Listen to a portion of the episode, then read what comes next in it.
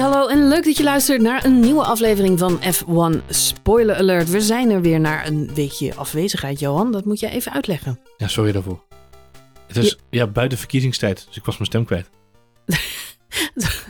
Was heel onaardig geweest als het nu gewoon stil was geweest. Nou, dat is ook wel leuk geweest inderdaad. Was ook een hele korte post. Hij is nog Nee. steeds zijn stem kwijt. Ja, nee, eh, eh, ehm, eh, ik ben natuurlijk normaal gesproken al onnavolgbaar in deze podcast met mijn eh rappe tong en, en, en een mooie accent. Maar ik, klonk vorige week echt als supergrover. En dat was toch wel echt voor iedereen heel vervelend geworden als ik als kwamen een supergrover. soort, soort piepjes kwamen er uit jou. Maar om dat nou de luisteraar aan te doen, dat Ik, vonden we niet echt verstandig. ik heb de hele week met een bordje omgelopen en een stiftje bij me. En al mijn wensen opgeschreven. Heel zielig. Ja, heel een soort pitbord had ik bij me elke keer. Ja, het is toch lastig podcast eh, maken als je, als je geen stem hebt. Eh, we hebben wel eh, elke keer gezegd van, nou misschien morgen dan, misschien morgen dan, misschien morgen. Maar ja, toen inmiddels zaten we al ehm, met het hele Formule 1 circus in Amerika. Dus nog even overwogen om een soort voorbeschouwing te doen. En dan Baku nog even een beetje mee te pakken. Maar ja, het Miami raceweekend barstte al ja, in, al, in alle enthousiasme los. Dus Nou ja, kijk, ik wil met alle liefde en plezier voor al onze fans nog even een hele korte review doen van Baku. ja, graag. Jij zegt het is niet Zo. De ergste, de ergste race om gemist te hebben qua podcast. Nee, ik denk dat eh, het drama eromheen van de heer Perez met al zijn woorden eh, het, het nog spannend gemaakt heeft. Maar voor de rest eh, was het nou niet echt. Misschien een, hebben we al onze luisteraars gewoon een half uur van hun tijd bespaard. Nou, Door het niet nog langer over Baku te hebben. maar ja, een half uur, dat is effectief wat hoeveel wij over, podcast, over 1 praten inderdaad. Ja, Onze precies. podcasts zijn door de bank genomen net wat langer. Ik had daar Maar- weinig meer aan, eh, aan toe kunnen voegen. Ik denk dat wel dat het een van de saaiste races is die ik in, eh, in jaren gezien heb.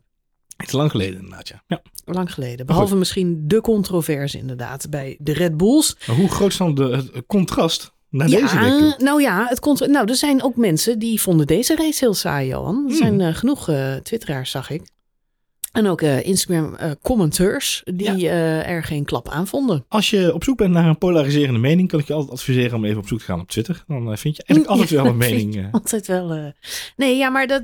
ja, ik zelf heb er wel van genoten. Maar dat ehm, komt, en daar gaan we het zo natuurlijk uitgebreid over hebben. Komt omdat het ja, wel weer een lekker ouderwetse strategische race was. Nou, snap ik wel als je niet eh, per se eh, het gevecht tussen Perez en Max heel spannend vindt. Of niet met die rondetijden zit te kijken.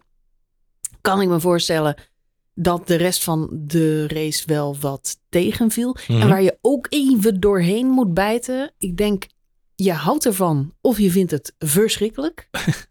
dat is de manier waarop de Amerikanen Formule 1 eh, beleven. Nou, en met, met name hoe ze Formule 1 in Miami willen neerzetten. En dat is wel een beetje. We gaan natuurlijk wel een, een, een contrast meemaken dit jaar. Want dit was natuurlijk de eerste van drie races die we gaan meemaken in Amerika. Ja, dan moet Las Vegas nog komen, joh. Precies Hoe dat. erg wordt dat? Exact dat. Ik heb al beelden gezien van de speciale trailer die is opgenomen daarvan. Oh god. We gaan Charles Leclerc in eh, vol Elvis kostuum zien. Ah ja, dat, nou ja, goed. Dat eh, kan hier van mijn zeupje een keer uit de kom vliegen. Ik vond het trouwens heel sneu. Ik heb die beelden ooit, eh, die stonden al een keer op Instagram. Klopt. Maar Ja.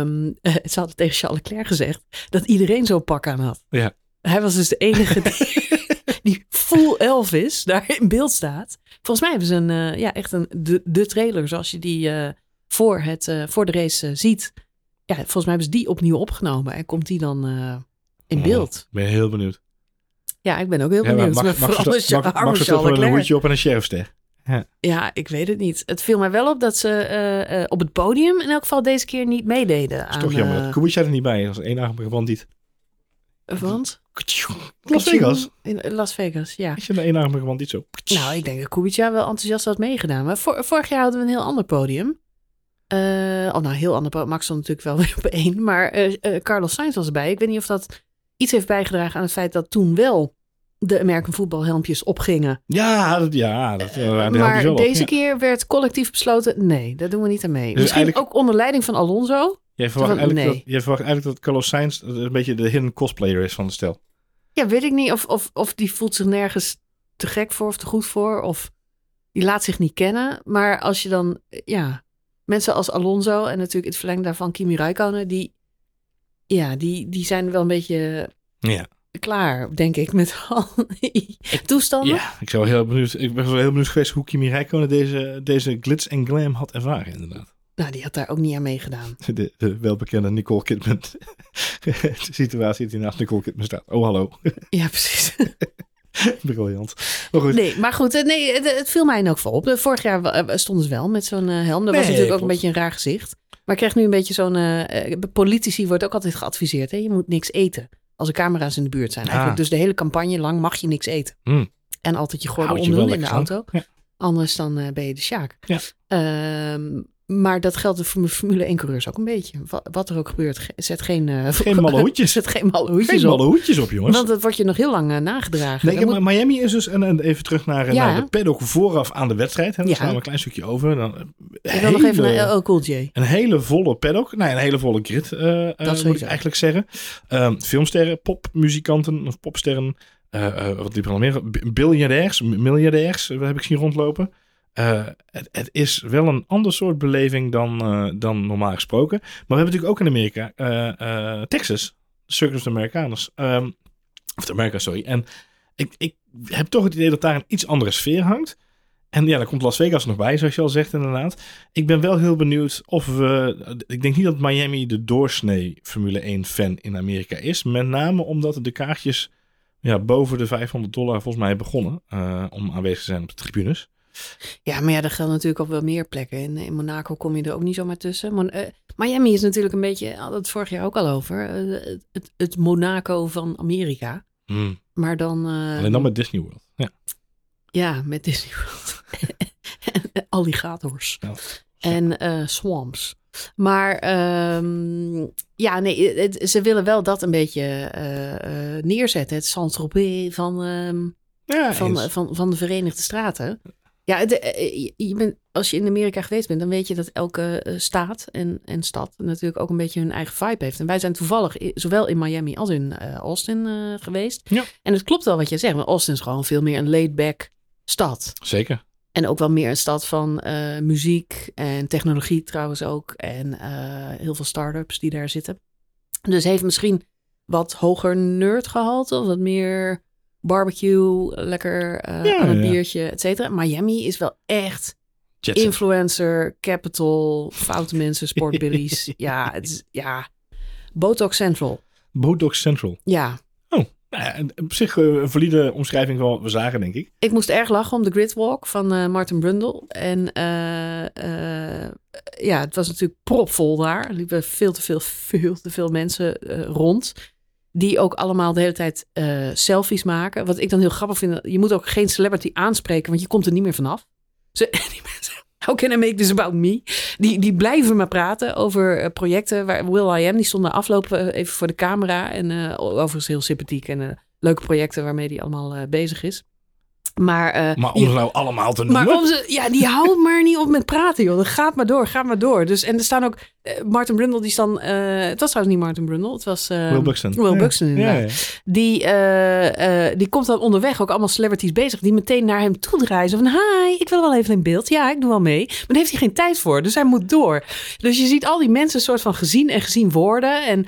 Daar hangt echt zo'n sfeertje zo van, moet ik in beeld? En. Maar je ziet ook dat die influencers allemaal een beetje zenuwachtig zijn. Want ze staan daar ook voor Piet Snot. Ze hebben gewoon geen functie, geen rol, behalve selfies maken. En dan tegelijkertijd staan daar al die monteurs. En die, die zie je ook een beetje...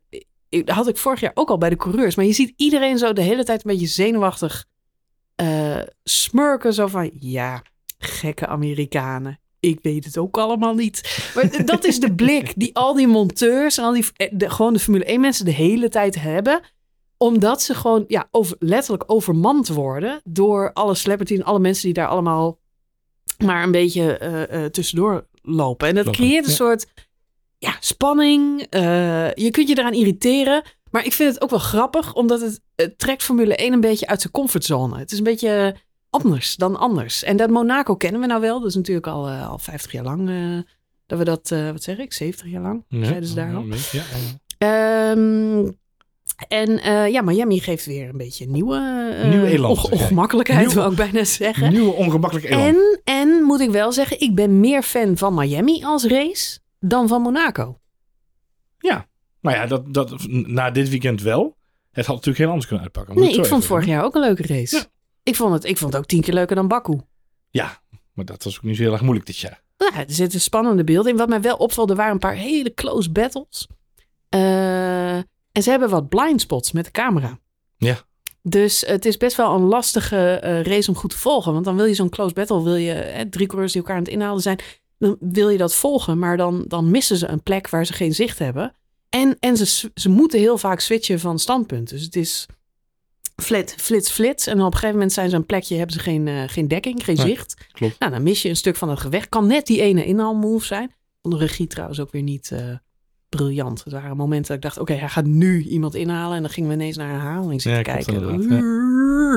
Maar goed, buiten dat, nee, ik vond de race, eh, ik heb me wel vermaakt. Ik vind het spannend. De muren staan ook weer dicht op het circuit. Ik krijg af en toe een beetje Canada-vibes bij. Dat je echt denkt, oeh, too close.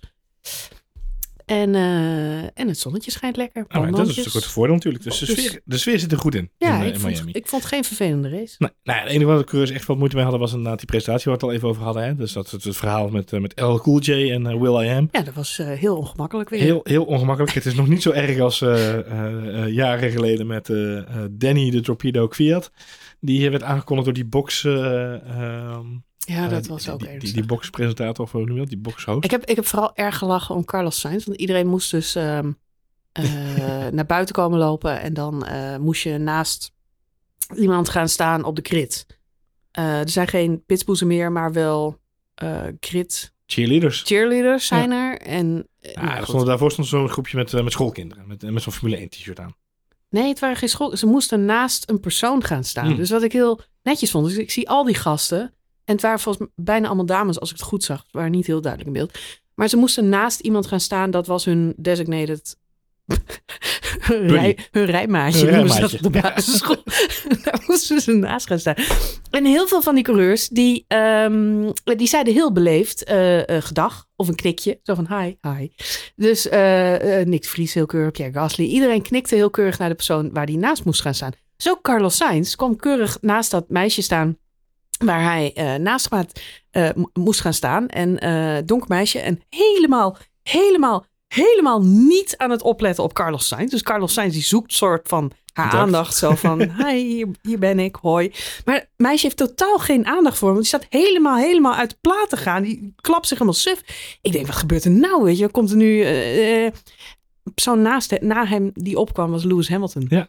Dus eh, het rijmaatje van Carlos Sainz was gewoon een grote, grote Lewis, Hamilton, fan. En dat vond ik wel heel sneu voor arme Carlos Sainz. Want iedereen begroette de coureur die bij hem hoorde heel enthousiast. Zo van, hi, hi, jij mag bij mij staan, leuk. Maar deze persoon was duidelijk niet blij dat ze niet Lewis Hamilton Het had is een beetje alsof je als, eh, als jochie uit, eh, of als meisje uit Rotterdam bij het Nederlands elftal mee het veld op mag lolopen. Ja. En dan mag je de hand vasthouden van Davy Klaas.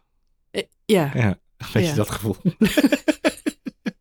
Ar- arme Davy Klaassen. ik zou het helemaal niet erg vinden. Nee, ik ook niet. Maar Met Davy een Klaas het veld op te andere, voorkeur. Maar daarom schreef ik me, daarom een contrasterende mening. Polariserend. Zoek hem Ja, op Twitter.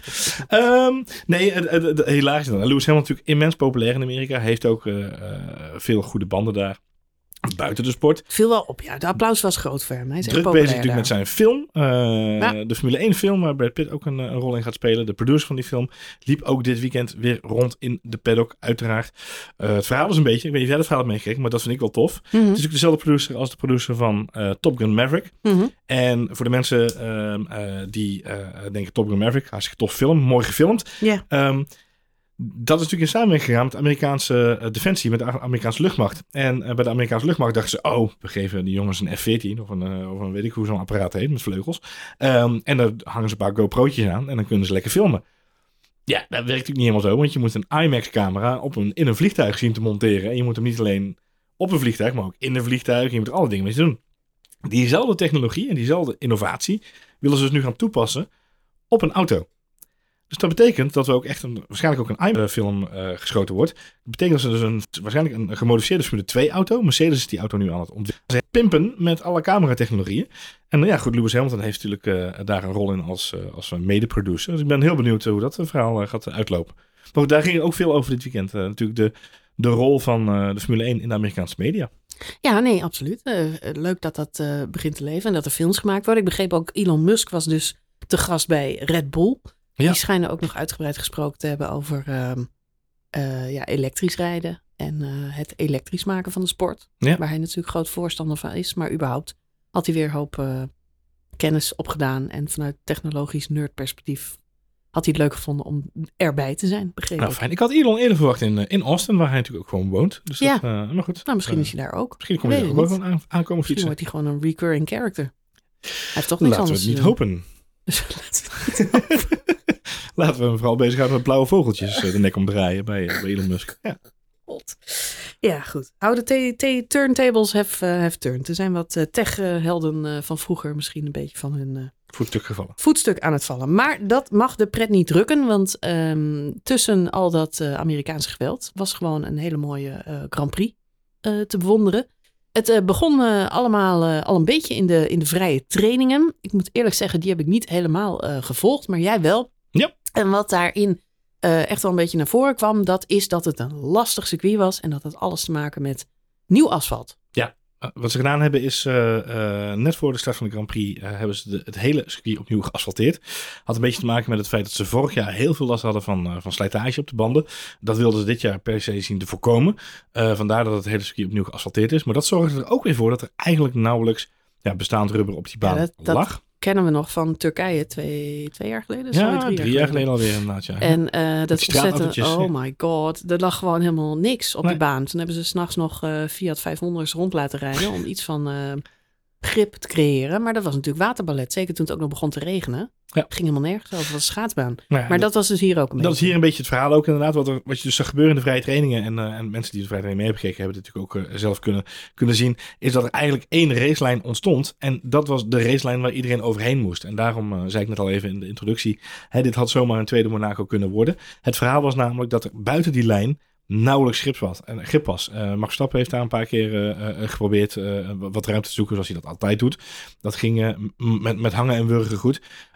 Bij wie dat wat minder goed ging was Charles Leclerc in de tweede vrije training.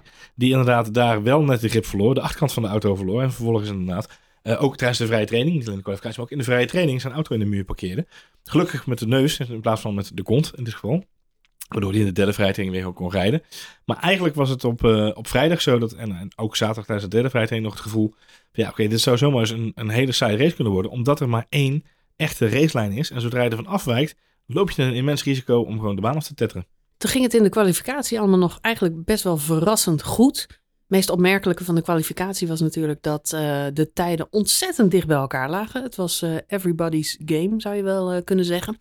Wat ook opviel is dat de tijden zoveel sneller werden. De baan was nog aan het opwarmen, dus het was eigenlijk zaak om die bankerlap op de klok te zetten. Ja. En dan zo laat mogelijk nog een snellere ronde. En dat is wel grappig, want vorige keer in Baku zagen we het een beetje omgedraaid. Daarom was in Baku ook de kwalificatie eigenlijk al heel saai.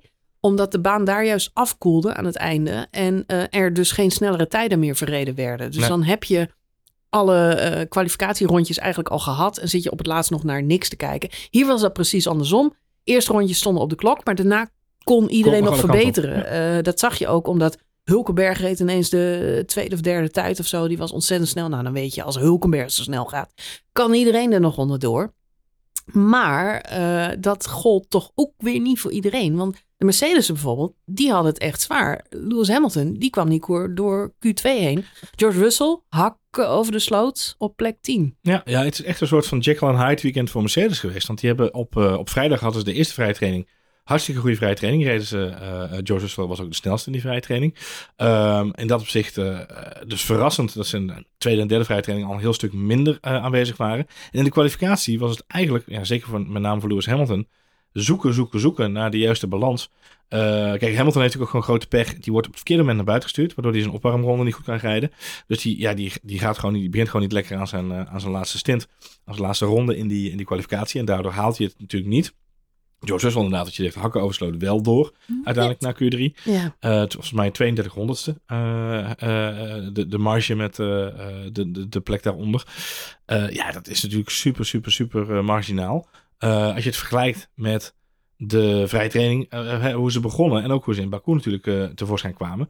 Ja, heb je toch het gevoel dat bij Mercedes de weg omhoog gevonden was. Dan is dan toch zo'n kwalificatie weer ineens een hele andere eh, impressie van de auto. dat is waar. Maar het is wel, wat ik al zeg, de verschillen waren zo klein. ehm, dat het eh, in die kwalie gewoon ook allemaal heel erg dicht op elkaar zat. Het, je zou bijna kunnen zeggen, het heeft echt op persoonlijke eh, ja, kracht het verschil gemaakt. Of misschien ook net wel in welke ronde je zat. Of wel of niet nog een slipstreampje meepakken of wat dan ook. Zo klein waren de verschillen. Ik, Logan Sargent die vroeg aan het einde, waar ben ik geëindigd? Uh, twintigste. Ja, precies. Die had, die had geen idee. Nou heeft Logan Sargent sowieso geen idee. Maar uh, het feit dat hij, niet, dat hij nog hoopte, dat hij dacht dat zijn tijd goed genoeg was, gaf wel aan um, dat heel veel mensen het niet wisten. Wat echter wel het geval was, is omdat iedereen zo dicht bij elkaar zat, zag je eigenlijk ook in die beginfase van, van de wedstrijd op zondag. Uh, Max kon natuurlijk heel snel naar voren komen. Juist ook omdat die verschillen zo klein waren. Mhm. Iedereen zat, bleef ook de eerste 16 ronden Ja. eh, bovenop elkaar rijden in, eh, in DRS. Ehm, maar het maakte dus wel alle verschil waar je gekwalificeerd was voor het verdere verloop. En voor alle duidelijkheid, jij bedoelt met de verschillen zijn vrij klein. Bedoel je eigenlijk alle auto's behalve de twee Red Behalve de Bulls? twee Red Bulls, Ja, die, die, Ja. ja. die op uitzonderlijke hoogte Nou ja, stonden. eh, tot daaraan toe. Maar eh, Sergio Perez had wel degelijk ook gewoon eh, last van, van andere mensen om hem heen die af en toe sneller reden. Dus ik denk dat Perez wel echt af en toe zijn best moet doen. Want ook Perez reed gewoon, gewoon drie tiende achter Max in de kwalificatie. Dus ehm, ik denk dat het de- anderhalf, anderhalf auto van Red Bull in dit geval. Ja, nee, absoluut. Ja, de- maar de- dat was eigenlijk natuurlijk het verhaal van de derde eh, eh, kwalificatieronde. Eh, Max oppermachtig, eigenlijk het hele weekend. Behalve misschien dat George Russell één keer eh, bovenaan eh, heeft gestaan. Ja. Maar verder, eh, Max natuurlijk continu eh, de snelste. Ook in de eerste twee kwalificatieronden. Dan denk je eigenlijk bij, bij jezelf, kan niet meer misgaan. Nou is Max ook niet zo'n brokkenpiloot, gelukkig. Ehm, voor, voor de fans, moet ik zeggen. Eh, je zit niet met, eh, ik bedoel, als Charles Leclerc fans, die, dat zijn echt, eh, nou, levensgenieters. Of dat zijn mensen met meer, meer durf in elk geval. Want, want Levensgenieters. Oh, ik dacht gewoon mensen met een voorkeur voor het- een, een, ja, zelfkastijding. een stukje zelfkastijding. Ja, nee, dat denk ik ook. Nee, maar ik vind wel dappere mensen. Ja. Want, want, want slim is het natuurlijk niet. Jongens, jullie vinden jullie dapper. We vinden jullie dapper. Want eh, ja, nee, slim is niet om fan te zijn van Charles Leclerc. Want ik moet wel zeggen, ook in Baku trouwens. En nu weer, het valt mij wel op dat er maar één man is die echt kan tippen aan Max Verstappen op snelheid op dit moment. En dat is Charles Leclerc. Zeker weten. En Ja. ik begin stiekem ook wel een heel klein beetje fan van hem te worden. Waren het niet dat hij zoveel over de limi- limiet gaat. Ja. Hij crasht te vaak. En het gaat er ook maar niet uit. Je zou verwachten dat nu in deze fase van zijn carrière... ehm, ja, hij eh, slimmer is dan dat. Nou moet ik wel... Hè, ik weet, die Ferrari is gewoon een lastige auto om op de baan te houden. Dat zegt Carlos Sainz ook. Het is ook niet voor niks dat het verschil tussen Charles Leclerc en Carlos Sainz echt wel aanwezig was de afgelopen races. Hè. Charles Leclerc vaak wel de snellere in de kwalificatie. Carlos Sainz neemt waarschijnlijk gewoon een stuk minder risico. Dus je moet, maar het pleit voor Charles Leclerc dat hij zoveel risico, dat hij zo over de limiet gaat Ja, met wat hij onder zich heeft. Alleen het levert hem ook te veel crashes op. En nu weer. eh, de grap is wel, moet ik even bijvertellen, maar wij zaten eh, Q3 te kijken. Gaat natuurlijk mis bij Max' eerste ronde, zijn bankerlap. Nou, je weet dat die belangrijk is. Zit je nog even te hopen, eh, weet je, gooi maar een extra rondje erin om hem toch af te maken. Maar ja, dat is allemaal niet wijs, want de banden zijn al gebruikt en die zijn niet meer op temperatuur. En je hebt maar acht minuten in, in, de, in die laatste stint, dus je redt het dan ook allemaal niet qua tijd. Dus het is gewoon, je moet hem doorslikken naar binnen en je voorbereiden op eh, de tweede poging. En hij, alle auto's rijden weer naar buiten. Max als eerste, wat, wat slim is, denk ik. Want je bent bang voor een rode vlag. Want dat is het ergste wat er zou kunnen gebeuren. Max als eerste, hij denkt, als, als er geel is, wat dan ook. Als, als er ergens geel uithangt, dan ben ik waarschijnlijk al voorbij die sector. Kan ik mijn ronde nog afmaken, weet je. Dus het best mogelijk scenario is nog dat hij vooraan wegrijdt. Voor die tweede stint, zodat hij geen last heeft van eventuele crashes. En hij begint aan zijn ronde, snelle ronde. En hij, hij vliegt over de baan. En jij zegt hardop, ja, zul je altijd zien. Zo direct schiet er een in de barrière en dan krijgen we een rode vlag en dan is het afgelopen. En op dat moment, Johan, zien wij een Ferrari van links naar rechts door ons beeld schieten. Boom. Dus jij wil eigenlijk zeggen dat ik gejinxed Ja, heb. jij hebt het gejinxed, want jij Ah. zegt het en het gebeurt. Als het ik het niet en gezegd had, en was ik zeg gebeurd. nog, zeg nou niks. En ja hoor, daar gaat Charles Leclerc weer. Het verbaast me ook gewoon niet. Het is ook gewoon, nou ja. En de grap is, jij was niet de enige die dit eh, gedacht heeft. Want Max Verstappen heeft precies hetzelfde eh, gehad. Want die heeft na afloop in een interview ook gezegd. Hij zegt, ja, het zat al in mijn hoofd dat er waarschijnlijk een rode vlag zou komen. En die komt er dan ook. Ja. Nou ja, kijk, het is, het is de, eh, ik zou bijna willen zeggen, het is niet Murphy's Law, want Murphy's Law is alles wat verkeerd kan gaan, gaat ook verkeerd. Dat is niet het geval in dit geval. Ehm, wat, kijk, alles was perfect in principe. Kijk, die eerste vrije training dagen later, dat had te maken met de timing van Max en de laatste rondjes. Dus dat maakt niet zoveel uit. Maar in principe was hij vanaf vrijdagmiddag, met, met zijn bips in die auto ging zitten, was hij de dominante coureur.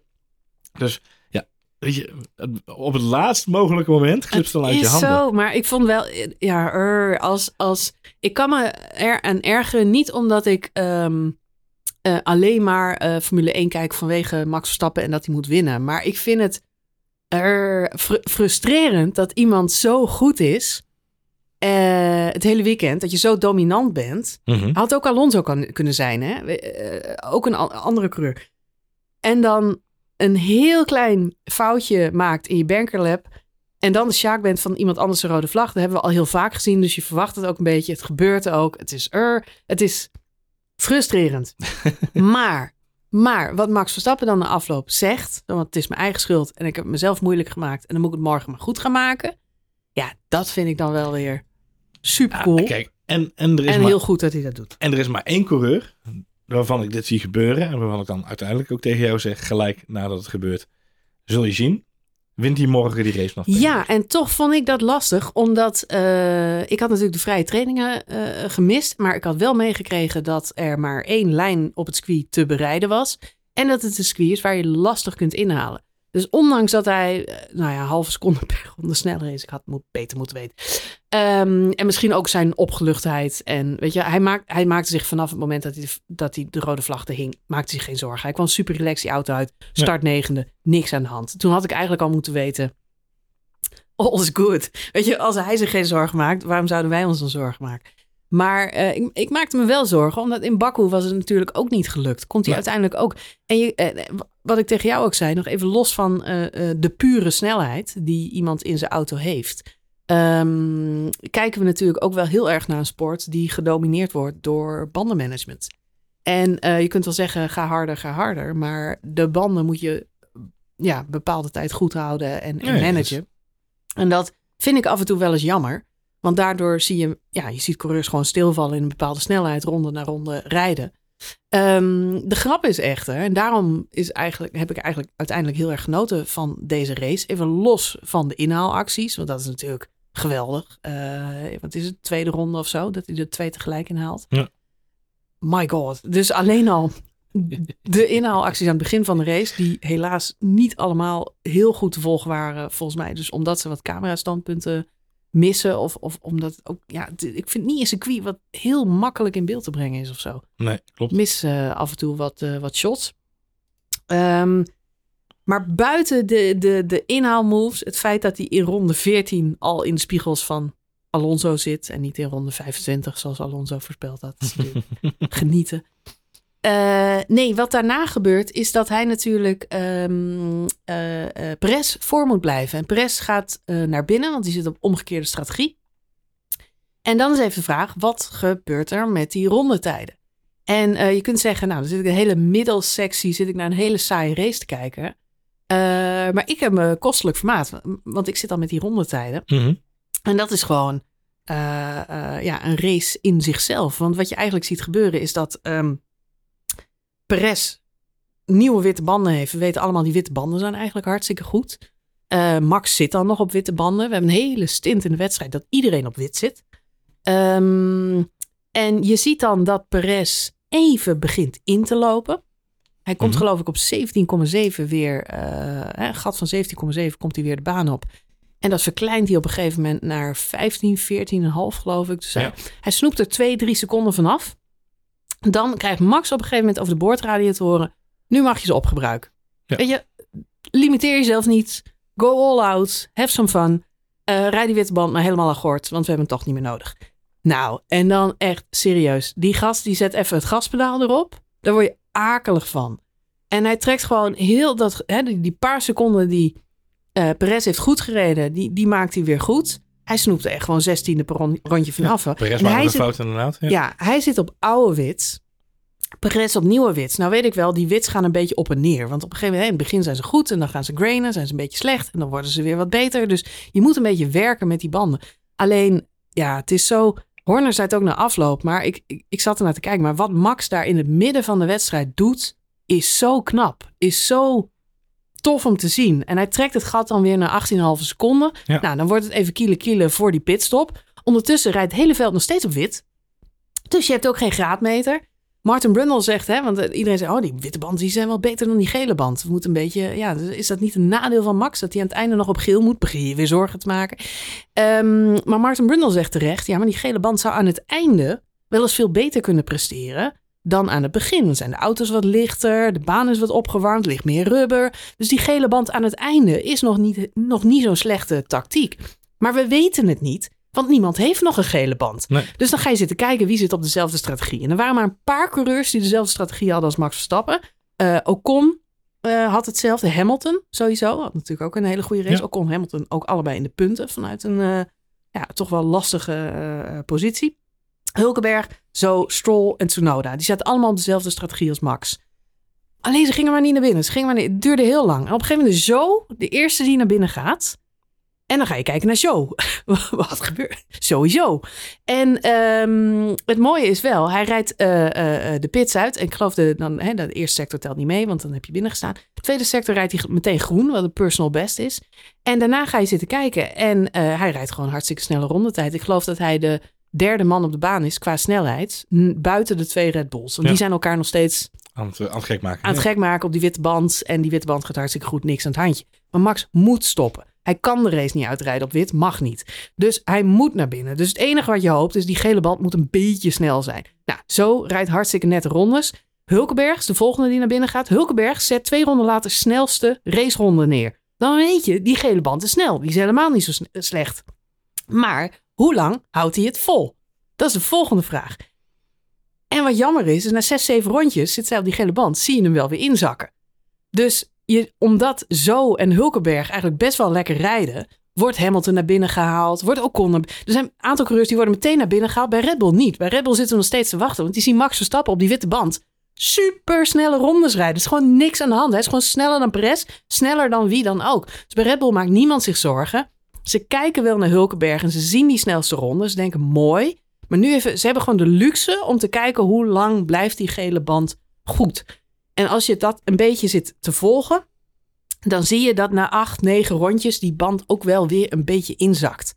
Dus je wil hem niet te lang onder hebben. Dus je wil zo lang mogelijk wachten. Dus ze laten hem die witte band helemaal oprijden. Ik denk in theorie hadden ze deze Grand Prix gewoon zonder pitstops kunnen rijden. Ik denk dat ze op wit hadden kunnen finishen. En die witte band bleef gewoon hartstikke goed. Maar ze kiezen uiteindelijk bij Red Bull ervoor om hem pas tien ronden voor het einde naar binnen te halen. Dan die gele band onder te zetten. Komt hij wel dus iets achter Perez. Nou, die haalt hij eh, eigenlijk met, met, met die snelste ronde van Hulkenberg. Dus de, de eerste volle raceronde op die nieuwe band. Ja. Ben je op je snelst. Weet Max ook. Moet daar gelijk Perez inhalen. Doet dat ook. Rijdt twee, drie seconden weg. En dan, ja. goed, aan het einde kakt hij misschien wel weer wat in. Maar dan is de race al afgelopen, joh. Ja, zo gaan die dingen. Ja, ik, vind, ik geniet hiervan. Het is, eh, bandentechniek, bandentactiek. Wat, wat is er nou gebeurd dat Ja. het verschil maakte? Eh, want vooraf had eigenlijk iedereen bedacht dat de snelste eh, strategie zou zijn medium naar hard. Hè? Dus Ja. van geel naar wit, medium naar hard. Eh, ook eh, Pirelli had hem zo uitberekend. Van geel naar, eh, naar, eh, van geel naar wit, dat is de snelste strategie. Dus eh, bij Red Bull terecht keus gemaakt om Sergio Perez daarop eh, zeker vooraan op geel te zetten. Omdat hij natuurlijk ook nog eens eventjes moest zorgen dat hij 20 auto's achter hem wist te houden bij de start. Eh, dus denk verstandige keuze geweest om Sergio Perez daar neer te zetten. Eh, van zaterdag op zondag heeft het als een malle geregend in Miami. Nou, dat, dat, dat hebben wij ook meegemaakt toen we daar waren. Dat het ineens uit het niets kan gaan stormen en, eh, en een hele nacht door kan hozen. En dan de volgende dag weer gewoon stralend blauw, niks aan het handje. Eh, maar dat heeft er wel voor gezorgd dat de baan een soort van reset gekregen heeft. Wat blijkt nu? Pirelli heeft de calculatie nog eens een keer opnieuw uitgevoerd na de race. En kwam tot de conclusie dat het verschil tussen de medium en de hard bijna compleet verdwenen was. Dus normaal gesproken was de medium inderdaad de snellere band geweest. Die is wel, weliswaar dan wat eerder gaat slijten, maar wel eh, flink wat sneller is dan de hard. Eh, nu bleek dat het verschil in de stint tussen de hards en de mediums maar drie duizendste van een seconde was. Dus dat is 0,003. Dat is, dat helemaal niets op een, eh, op een stint. Dus eh, oh ja, onderaan de streep heeft Max eigenlijk gewoon de hele race op mediums gereden. Alleen een iets stevigere medium. waardoor hij wat langer door kon rijden. Eh, en daardoor kon hij het verschil maken naar Sergio Perez toe. Die natuurlijk ook nog de stint moest omdraaien. En naar de hards toe moest. Eh, onderaan de streep heeft Sergio Perez 64% van zijn race op hards gereden. Uh, Max Verstappen heeft er 79% op gereden. En dat kleine verschil, of kleine grote verschil in, in percentage, zorgt ervoor dat Max dat verschil kon opbouwen van nou, 18 seconden, als we het al even over hadden. Dat ja, vasthouden. Nee, absoluut. En hem dus gewoon overpakken. Uh, uiteindelijk aan het einde van de race. Ja, en het is niet zo dat uh, Sergio niet aan het trappen was. Hè? Want die, die pakt ook nog een paar keer snelste ronde. Dus die probeert echt wel om Max bij te houden. Maar het verschil, zoals jij al zegt, wordt ook juist in die beginfase van de wedstrijd gemaakt. Waar Perez dus wel op de gele band zit. Maar op de een of andere manier niet wegkomt. En het zal ook weer te maken hebben met hè, wat ik net al zei. Dat die gele band wel snelheid had in het begin. Maar na zeven, acht ronden was dat ook al wel weer weg. Het lukt Perez niet om weg te lopen. Hij ligt maar vijf seconden voor Alonso. Dus het is voor, voor Max eigenlijk vrij makkelijk om, om erbij te komen. Wat je, wat je ziet gebeuren is dat veel mensen klagen aan het begin van de race al over de mediums. En dat heeft denk ik vooral te maken met het feit dat op dat moment de baan nog niet lekker ingerubberd is. En de auto's inderdaad een stuk zwaarder zijn. Je zei net ook al heel eventjes. En daardoor slijt die medium gewoon een heel stuk sneller. en, en, en daar moet je daar dus beter mee omzien te gaan. Moet je meer remmen. Hè, of niet zo remmen, maar wel voorzichtig zijn met je, met je snelheid. Om te zorgen dat je niet te snel door je banden heen gaat. Um, dus onderaan de streep uh, uh, zag je veel mensen op de mediums gewoon klagen over die graining. Uh, dat heeft Max natuurlijk minder meegemaakt, omdat hij aan het einde van de race gewoon een heel stuk lichter was. Ja, en die baan gewoon lekker uh, opgewarmd en ingerubberd was. Er waren nog, ook nog twee durfals bij uh, McLaren, die zijn op rood gestart. Ja, dat heeft lekker gewerkt. Inderdaad. Ja, dat was een beetje een heel merrie, maar dat helpt natuurlijk helemaal geen enkele zin. Ik zie ook dat Norris in ronde 4 al gestopt is. Ja, moest hij natuurlijk ook, nou, niet moest hij wel, maar hij is wel heel snel van die softs afgegaan. Ik denk dat ze Misschien hebben ze de gok willen wagen om te kijken, kunnen we tien rondjes op die, eh, op die softs uh, maken. En dat er dan een safety car komt in de eerste paar rondes. Zodat we heel snel kunnen wisselen naar, uh, hè, dat we met de gaatspits met een hard kunnen. Dat is het enige wat ik me kan voorstellen. Zodat ze in ieder geval nog op die softs wat, plek konden goed maken. Maar onderaan de streep natuurlijk een drama weekend voor, voor McLaren onderaan de streep. Zeker na de, volgens mij best wel prima weekend in Baku. hebben ze nu gewoon, hadden ze het gewoon niet lekker te pakken. Uh, Piastri heeft wel een redelijke start. Klimt uiteindelijk naar P14 volgens mij in mijn hoofd. Um, maar valt dan uiteindelijk ook weer helemaal terug. Omdat hij een software issue heeft in de auto. En uh, daardoor ook niet vol kan gaan. Dus het is echt uh, een hele bak met updates meegebracht dit weekend. en ook in Baku al een hele flinke update doorgevoerd. Ja, onderaan de streep. ja, ja, het is teleurstellend. Zij zijn echt, nou, McLaren misschien wel het meest tegenvallende team van dit jaar. Ja, en dat zit hem niet in het talent achter het stuur. Want daar zitten twee hele jonge talentvolle coureurs. Um, maar het zit hem echt in, de, in, die, in, die, in die tractor van ze. Zach Brown moet wel aan de bak hoor. Want je hebt twee hartstikke getalenteerde jongens. Dan moet je ze ook de auto geven die ze verdienen natuurlijk. Ja, maar Zach Brown is, wil nog graag nog meer sponsoren, sponsoren hebben van McLaren. Die, ja, dat zal hij misschien ook wel nodig hebben. Maar, uh... Nou, het, het is echt serieus. Als je kijkt naar hoeveel sponsoren er op die auto en rondom die auto en wat ze allemaal doen aan commerciële activiteiten. Ja, nee, Ik zou zeggen, dat zit wel snel, jongens. Ik wou het zeggen, de business side die zal dan wel goed zijn, maar technisch zou ik toch eens gaan kijken naar mijn uh, team van mensen. En, uh, en wat ik daar nog uh, kan verbeteren. Er zijn een hoop wisselingen op dit moment binnen, binnen teams. Lauren, Lauren Mackies gaat natuurlijk, wordt teambaas na dit seizoen. Ja. Um, ja, misschien bij McLaren ook uh, tijd voor wat uh, vers bloed. Had je nog gelezen dat er uh, geen, geen gijzelaars worden uitgewisseld op senior en medior niveau bij Red Bull? Want ons onderdeel van de deal, dat, want Laurent Mekies had natuurlijk nog gewoon een doorlopend contract bij Ferrari. Ja. en je mag natuurlijk niet zomaar, het is natuurlijk heel ongewoon of ongebruikelijk dat iemand van de een op de andere dag teambaas wordt bij een ander team. Of ja. gewoon zo overstapt op dat niveau. Ja. Met zoveel kennis en kunde van de, van de fabriek en van de auto. Uh, maar bij Red Bull en Ferrari zijn ze wel lekker om tafel gegaan met elkaar. Uh, erbij. En uh, hebben ze even keurig doorgesproken welke mensen Ferrari allemaal wilden hebben van Red Bull. Ja. En welke mensen Red Bull allemaal wilden hebben van Ferrari. En die zijn een soort van uh, ja, hostess, hostess exchange, uh, gijzelingsuitwisseling gaan doen. Oh, ja. van nou, oké, als jullie dan, als wij uh, Mackie kunnen overnemen naar, naar Alfa Tauri volgend jaar, dan zorgen wij dat die techneut en die techneut en die techneut geen gardening leave krijgen, maar dat die nu al stilgezet worden. Oh, echt? En dat ze volgend jaar ook weer kunnen beginnen. En uh, hadden die mensen zelf daar ook nog een uh, zegje nee, die mensen hebben worden die gewoon allemaal afgevoerd naar Italië, succes? Ja, nee, we kop, uh, zak over de hoofd en in een helikopter. Nee, die mensen hebben natuurlijk al, al onderhandeld met Ferrari en hebben oh, al vaak een contract. Okay. wat je vaak ziet gebeuren is dat ze dan het contract dat ze nu hebben bij Red Bull uitdienen. En dan mm. eigenlijk een jaar ja, op, op tuinverlof moeten, zoals dat zo mooi heet. Um, en dat hoeft dan niet? Dat hoeft dan dus nu niet. Oké. Okay. Nou, het scheelt een jaar van je leven. Het zou voor, ja precies, een jaar voor je leven is toch mooi? Ja. Nou ja, een jaartje bedcall. Uh, Zo'n uh, lange Formule 1 weekend uh, als dit. Ik ben wel benieuwd wat het volgend jaar weer, weer op gaat leveren. Maar het is mij wel duidelijk dat een aantal teams echt, echt, echt een gat moeten dichten. Um, dus die moeten aan de bak. Ja, het is wel opvallend dat de twee teams die uh, vorig jaar zo met elkaar in een uh, strijd vergrikkeld waren, hè, McLaren en Alpine, dit weekend alle twee onder een vergrootglas lagen. Met name McLaren vanwege nieuwe updates. En uh, nou, de hele situatie met Alpine en Piastri heeft natuurlijk ook niet geholpen bij McLaren. Die staan natuurlijk ook een beetje onder vergrootglas. Op dit moment staan ze alle twee op 14 punten in het kampioenschap. alle twee, wat mij betreft, ver beneden hun stand. Als je kijkt aan wat ze achter het stuur hebben zitten aan talent en wat ze in principe in potentie aan, uh, aan de auto kunnen doen. Um, ja, bij Alpine is het zelfs zo ver gegaan dat uh, de CEO uh, gewoon in de krant heeft laten weten. Hè, voorafgaand aan de, aan de kwalificatie in de race nog. Maar dat hij het op dit moment gewoon allemaal een beetje amateuristisch vond. En dat het op geen zins aan het niveau voldeed aan wat er aan investeringen werd gedaan. Dat er wel echt snel een verbetering moest komen in de prestaties. Bij Alpine? Ja. Oeh, ja, en laten we eerlijk zijn. Ik bedoel, we zijn hem al bijna weer vergeten. Maar die eerste race van Esteban Ocon penalty, penalty pakken. En, uh, ja, dat was ook een blamage. Ik pak, die bon, ik, ik, pak die ja. bon ook on. ik pak die bon ook on, ja. ja dat is maar, natuurlijk een blamage waar je u tegen Nee, dat was ook slecht. En Gasly heeft een paar ghastly uh, weekenden gehad. Ja, en uh, natuurlijk in, uh, in Baku uh, vorige week was ook niet lekker. Oh, dus voor, voor Otmar Safnauer is er werk aan den winkel.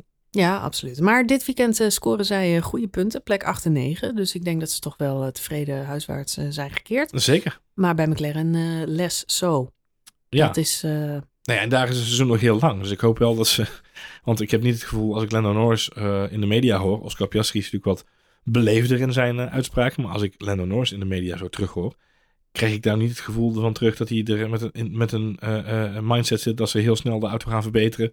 en dat het een leuker seizoen voor ze gaat worden. Wat ik nee. heel zuur vind, want het is een van de meest leuke teams om te zien. Dus. Het is zeker uh, een van mijn uh, favoriete auto's. Dus ik zou het fijn vinden als zij weer. Maar goed, het verhaal wat we van vorig seizoen natuurlijk wel een beetje weten. Dat is als de auto in de basis al niet goed is gebouwd, Johan. Dan valt er de rest van het seizoen niet meer zo heel veel te halen. Nou ja, bij Mercedes zijn ze nu nog aan het, uh, aan het reviseren. Dus, ja, die zijn nog niet... Imola verwachten ze nu dat ze de grootste, de grootste klap gaan maken. Nou, is wel zo dat in Europa vaak inderdaad de grootste stappen worden gemaakt. Ja. Dus dan moeten we daar misschien maar van hebben. Laten we het hopen. Wie wel trouwens erg indruk op mij maakt is Albon. Die keer op keer ook in de kwalificatie zijn gezicht laat zien. En ja, um, ja Q2, Q3's haalt. Dat vind ik toch echt wel... echt wel een goede prestatie. Impressive, zeker gezien zijn teamgenoot. Gewoon dead last. Ja. Starten en finishten. Vind ik toch ook knap. Ja, maar bij... Is het thuis Grand Prix. maar wat wel knap is dat hij hem uitgereden heeft. Zeker. Ik bedoel, 20 auto's hadden we ook niet 20. verwacht. Ja, precies. Nee, ja, hadden we niet verwacht op Miami. Het is voor, uh, voor Albon zeker een, een lekker seizoen. Um, ik vind het jammer dat hij niet wat meer uh, tegenstand heeft om zichzelf aan op te trekken misschien wel. Uh, 14e afgelopen zondag. Um, ja, niet echt in de, in, de, in de punten gereden. Hij heeft lange tijd achter Bottas gehangen en, en daar ook gefinished uiteindelijk. Maar als je kijkt naar zijn, zijn ontwikkeling de afgelopen races, ja, is dat natuurlijk wel goed om te zien. En ja, hopelijk voor hem hij is niet getrouwd met Williams onderaan de streep. Uh, hij heeft uh, nu het geluk van Williams dat hij heeft dat hij vrijgekocht is bij Red Bull, om het zo maar even te zeggen. Hij heeft geen verplichtingen meer aan Red Bull of aan de Red Bull stal. Dus hij zou nu ook gewoon uh, zijn ogen op een ander plekje kunnen richten binnen de Formule 1. Dus hopelijk kan hij zichzelf een beetje meer in het spotlight rijden. Ja, de, vraag, de, ja, de vraag is waar, want er zijn niet zo heel veel aantrekkelijke autostoeltjes op dit moment over. Alfa Tauri wil je niet heen, Alfa Romeo wil je niet heen, McLaren wil je zeker niet heen. Renault is een beetje een zootje. Aston Martin heeft geen plek. Nee. Uh, ja, wat blijft er over, Johan? Nee, ja, kijk, voor, voor de korte termijn is het sowieso lastig. Uh, maar, maar alle, denk... alle middenmoot is niet zo heel erg den. Haas misschien? Haas? Ja, ik, dat was mijn naad waar, ja. ik naartoe aan het werken was. Ik denk dat Haas een optie is waar je uiteindelijk heen kan. Daar hebben ze nu twee relatief oude coureurs zitten. Ja. Uh, dus ik denk dat dat een optie zou kunnen zijn.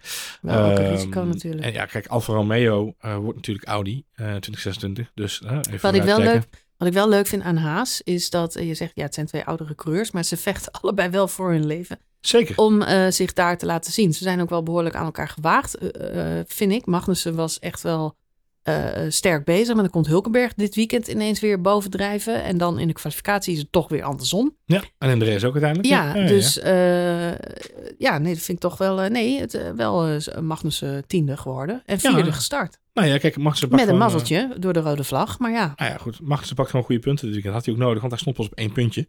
Eh, terwijl eh, ja Nico... nu eh, heeft hij eh, zijn punten verdubbeld. Ja, verdubbel, een verdubbelaar heeft hij ingezet. En dan kijk, Nico Hulkenberg staat op zes puntjes. Eh, staat gewoon keurig 11 in het kampioenschap op dit moment. Ja, dat is gewoon hartstikke prima. Toch, eh, toch eh, indruk. Eh, Gemaakt, dat, wat zou Koenstein erover zeggen? For six points, I would have hugged the whole paddock. Ja, hier worden verhakt de whole paddock. Ja. Even dan, nu we het toch over teamgenoten hebben. Ehm, Verstappen en Perez. natuurlijk veel over te doen geweest in, de, in de media. Perez wil meedoen om het kampioenschap. Ik denk ehm, dat hij zeker stappen heeft gemaakt. En ja, echt wel zijn gezicht laat zien. Ik denk dat ze bij Red Bull heel blij zijn dat ze eindelijk een nummer twee hebben. Net zoals eh, destijds Daniel Ricciardo. Die Mhm. gewoon ehm, mee kan doen om de dubbele podia. Ja. Dat is natuurlijk heel lang niet zo geweest. Daar hebben we het zo vaker zoveel over gehad. Met Gasly, maar ook met Albon. En dat is allemaal een beetje pap en nat houden. En het kwam maar niet van de grond. Nu hebben we Perez. Echt een bijtertje. Eh, laat zichzelf zien. Echter, dit weekend overklast door Verstappen. Ja. Vrije trainingen, drie tiende langzaam.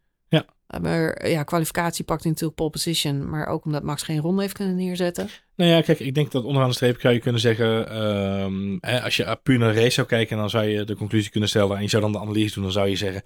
ja, het is een andere strategie en daardoor is hij benadeeld. En dat, maar kijk naar het hele weekend. Kijk gewoon naar hoe, hoe Max Hij was dat- gewoon langzamer. Hij was gewoon langzamer. En had Ja. Max geen foutje gemaakt in Q3, dan was hij, nou weet je, koende kont kijken, maar dan was het wel een hij, saaie race geweest. dan was hij gewoon op pol gereden gestaan. ja. En eh, ik bedoel, er was niks aan de hand geweest. En, ehm, en nu staat eh Sergio Perez op pol en eh, hij viert het alsof hij het zelf verdiend heeft. Terwijl hij ook verdomd goed weet op dat moment. De enige reden waarom ik op pol sta is omdat die andere uh, gozer achter me een verstuurfoutje maken. Ja, weet je. Mentaal niet, niet het lekkerste weekend om, om mee terug naar huis te vliegen, denk ik, voor, voor Sergio Perez. Eh, aan de andere kant, hij weet waar hij tegen strijdt. Dus eh, het zal elke week zo voor hem zijn als hij niet oplet. Het gaat allemaal over consistentie. En eh, ja, dat is wel wat er voor nodig is. Dus hij, eh, mag aan de bak. Qua snelheid eh, zit hij natuurlijk ook gewoon in een snelle auto. Maar ehm, ja, wordt op dit moment nog wel even overklast. In elk geval dit weekend wel. Eh Baku niet. Maar Baku heb ik nooit het gevoel bij gehad dat dat Max een circuit is op de een of andere manier. Nee, het ligt hem in ieder geval niet. En Ik denk dat Nou, Max goed. op 90% van de circuits heel goed eh, uit de voeten kan. Eh Baku is niet echt zijn ding. Monaco twijfel ik ook een beetje over. Maar dat. Monaco hangt helemaal van de kwalificatie af. eigenlijk. ja, daarom. Het is gewoon zorg dat je pol staat, dan win je de rest. Een beetje. En Ja. je band moet niet vast komen te zitten, zoals bij Bottas. Want Nee. dan eh, gaat hij er nooit meer af. Nee, dan heb je een probleempje. Dan heb je een probleempje. Hey, eh, die andere teamgenoten, Russell en Hamilton, natuurlijk ook Ja. wel echt een gelijkwaardige strijd op dit moment, denk ik. Russell komt bovendrijven, had ook weer met de kwalificatie te maken. Die had gewoon ook weer mazzel met die rode vlag, waardoor hij wat meer vooraan startte. Toch vind ik dat Hamilton op eh, dezelfde bandenstrategie als Max Verstappen knap zichzelf heeft weten terug te vechten in de punten. Wordt uiteindelijk zesde. Laat een paar fantastische inhaalacties zien. Eh, weet op het laatst nog Charles Leclerc eh, te verschalken. Belangrijke punten. Nou ja, kijk, Lewis Hamilton staat op dit moment gewoon eh, heel keurig eh, vierde in het kampioenschap. Ehm, en George Russell trouwens eh, zesde, ook keurig. Maar hij heeft 16 puntjes voorsprong op, op George Russell, Lewis Hamilton. Ik moet zeggen dat ik daardoor wel verrast was, omdat in mijn beleving George Russell dit, dit seizoen tot nu Consistent toe deed. Consistent Consistent. beter doet Ja, dan Lewis vorig Eh, ja, Hij misschien is wel. een keer maar- uitgevallen. maar dit seizoen eh, ook, ook, heb ik ook het idee dat George wel vaak de snellere is van de twee. Hè? De auto, het is ook- er mag geen geheim zijn dat Lewis Hamilton gewoon ontzettend worstelt met die Mercedes dit jaar ook weer. Eh, ook deze race weer, hè? tikje tegen zijn vleugel aangehad. Gelijk over de boordradio. Eh Bono, ik denk niet dat we met deze auto de race kunnen uitrijden. Dus eh, ik weet niet wat we gaan doen hoor, met deze auto. Het wordt helemaal niks. Nou, uiteindelijk wordt hij dan keurig, gewoon zesde. Eh, haalt hij de puntjes binnen. Lewis Hamilton is gewoon een vechter wat dat gaat. En ik denk dat ze daar bij Mercedes heel blij mee mogen zijn. Ehm, want ja, goed, was het een luie verdette geweest, dan had je toch een probleem gehad als Mercedes zijn. Want dan was die auto een steek verder gekomen. Ja, nee, maar kun je niet je- zeggen, vind ik. Dan was je van George Russell afhankelijk geweest. Ja, Ja. dat willen we allemaal niet. Nee, dat willen we absoluut niet. Goed, eh, en dan hebben we nog Carlos Sainz, waarvan ik dacht, nou, die heeft echt een beetje een eh, dramatisch seizoen. Sch schoon eens te binnen, dan ben je van George Russell afhankelijk. George Russell die tijdens de race zegt, zitten we zo dicht op Perez? Nee, George, dat is Logan Sargent. Die gaan we inhalen. ja, maar hij kreeg verkeerde informatie door. Dat Ja. hadden ze eruit geknipt. Oh ja. Dus het leek alsof hij dommer was dan hij is. Ja. Dat is Oh, onaardig. George. Onaardig. Carlos Sainz, hè, sorry. Ik hoorde hem wel random gedurende de race nog ineens excuses ergens voor aan. Werd ook niet duidelijk waar, waarvoor zijn excuses aanbood. Slavernijverleden van de Britten. Ik heb geen idee, maar halverwege de race horen we ineens een Die excuses. verschrikkelijk langdradig, langdurige Ja, corona. het is eh, Britse eh, beleefdheid. Ja.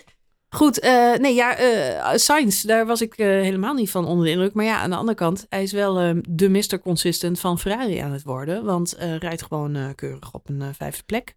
Ja, Had eh, misschien meer ingezeten. Hij startte natuurlijk op de derde plek.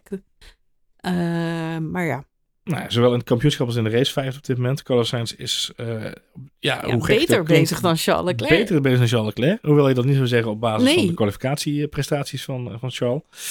Nee, ja, het is... eh, het Ik is denk toch echt dat Charles Leclerc de snellere coureur is van de twee. Alleen ik weet wel zeker dat Charles Leclerc de snelle coureur is van de qua twee. Ja. punten komt het er echt niet uit. Charles Leclerc moet eh, beter zijn best gaan doen. Nee, het, gat is, het gat is behoorlijk. Eh 44 om, eh, om 34. Dus 10 puntjes. Of eh, sorry, eh, ja, 44 om 34. Misschien eh, iets minder klassieke muziek. eh, Iets minder Spotify muziek uploaden inderdaad en wat meer gaan racen. nou ja, Carlos Sainz heeft gewoon de pech. Ook hij heeft moeite met de Ferrari. Eh, heeft hij ook aangegeven na de race van gisteren. Eh, natuurlijk veel updates aan de Ferrari ook dit weekend. Nieuwe vloer onder andere. En eh, het, hij heeft echt eh, eh, het maximaal geprobeerd uit te halen. Maar kwam ook tot de conclusie dat hij eh, op de meest kritische momenten eigenlijk niet vol gas kan geven. Dus dat is wel hetgene wat hem, eh, eh, wat hem eigenlijk het meest tegengehouden heeft dit weekend. Ik moet zeggen, dit weekend valt Sainz me reuze mee. Overall. Dit jaar vind ik hem moi. Moi. Ja. Ja, ik- ja, nee, ja. ik ben ook nog Als je zo'n eh, kans krijgt om Charles Leclerc te overtreffen, moet je met mij, wat mij betreft met 200 Nee, pakken. ik had, ik had zelf eh, voor dit weekend heel. Dat zat ik nog na te denken over dat elk coureur wel echt zijn nummer 1 en zijn nummer 2 heeft.